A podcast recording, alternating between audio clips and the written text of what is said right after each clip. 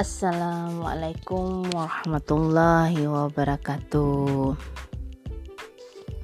Selamat datang ayah bunda. Semoga podcast-podcast sebelumnya bisa membantu para orang tua dalam memahami, menyikapi, dan membuka wawasan baru terkait anak-anak kita ya. Kali ini Mandeh akan share terkait judul Anak yang tidak suka belajar.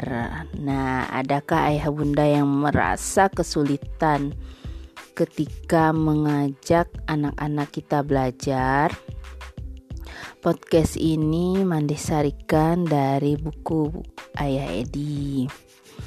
Kita bisa membandingkan apabila anak kita ditanya mana lebih suka bermain daripada belajar, rata-rata anak-anak akan menjawab bermain.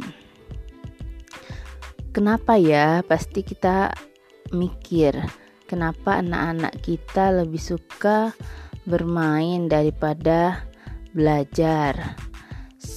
Sebenarnya ada kesalahpahaman bagi kita atau memang anak-anak itu tidak suka belajar dalam tanda kutip.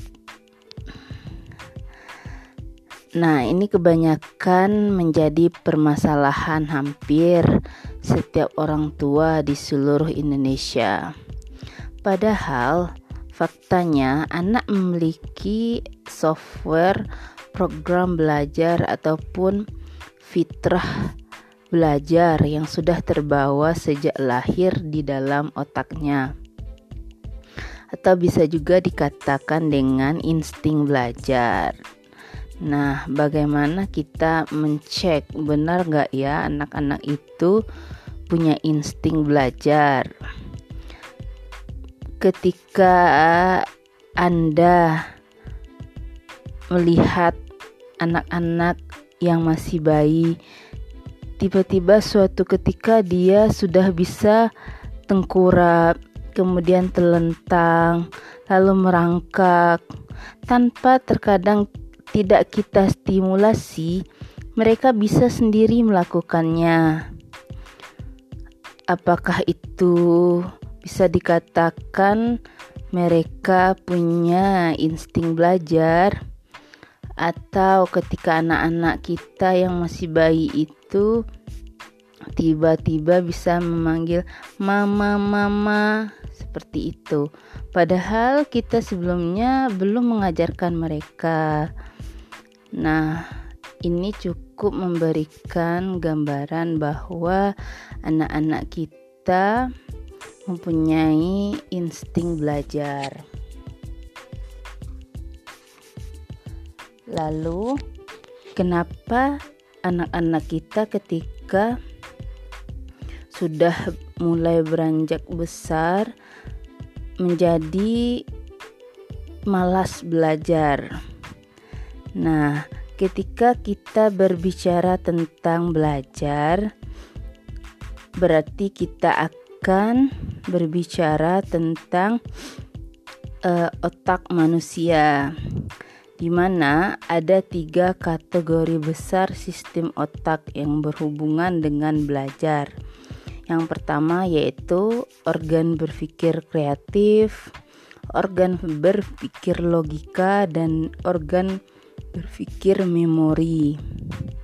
Menurut pakar pendidikan yang mempelajari sains otak, secara alami organ pembelajaran itu bergerak mulai dari organ berpikir kreatif menuju organ berpikir logika dan terakhir disimpan di organ berpikir memori.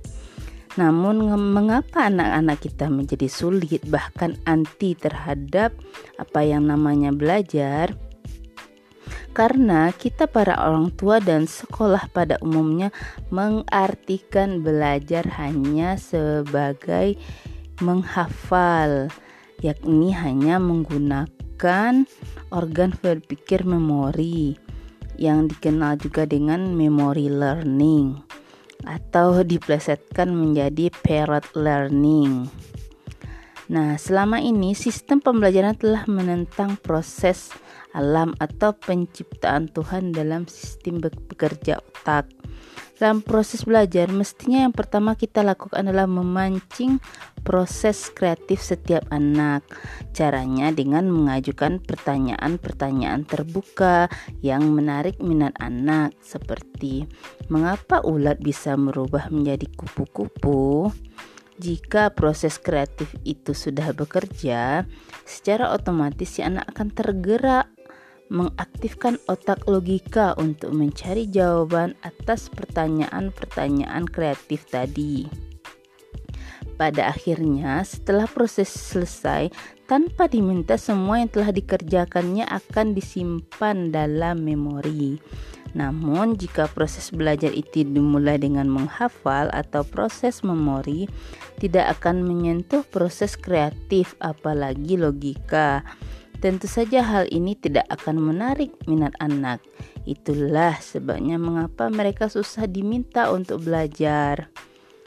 Contoh Sir Isaac Newton pada saat Newton beristirahat dan tertidur di bawah pohon apel, tiba-tiba ada apel yang jatuh menimpanya. Lalu apa reaksi Newton? Uh, lalu dengan proses kreatif ini, akhirnya tercipta hukum gravitasi Newton. Seandainya kejadian yang sama terjadi pada anak kita, saat Anda terkantuk-kantuk di bawah sebuah pohon mangga, lantas ada mangga jatuh ke kepala kita, apakah reaksi kita? Apakah akan tercipta hukum gravitasi kedua setelah kejadian itu? Nah, ini merupakan contoh sederhana dan menjadi tugas kita sebagai orang tua dan guru untuk bagaimana memantik atau menimbulkan proses kreatif pada uh, organ berpikir anak-anak kita. Sehingga kalau mereka penasaran dan curiosity-nya bangkit maka otomatis mereka akan berusaha mencari sendiri. Seperti halnya ketika anak-anak kita main gadget, main game seperti itu mereka punya rasa penasaran bagaimana untuk memenangkan permainan itu. Kira-kira seperti itu dan Mande juga ingin menambahkan mungkin proses belajar itu juga terkait dengan gaya belajar anak-anak kita yang tidak bisa kita identifikasi terlebih dahulu sehingga mereka merasa tidak cocok dengan satu gaya belajar. Terima kasih dan sekian sharing Mandeh kali ini.